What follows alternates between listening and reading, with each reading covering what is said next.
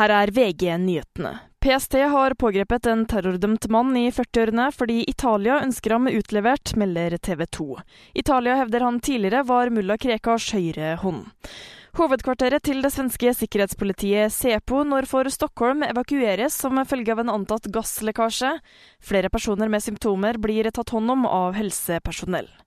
Rundt 14 000 personer i Sverige er aktive i kriminelle nettverk, anslår svensk politi.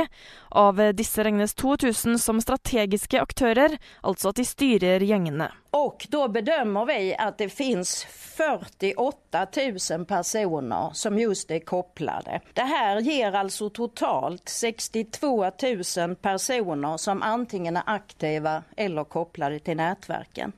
Det sa rikspolitimester Petra Lund.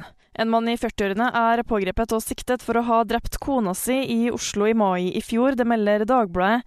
Han blir framstilt for varetektsfengsling i dag.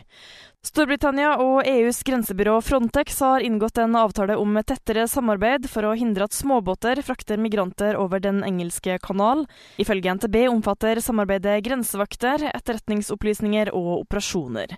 I studio Miriam Alsvik, nyhetene får du alltid på VG.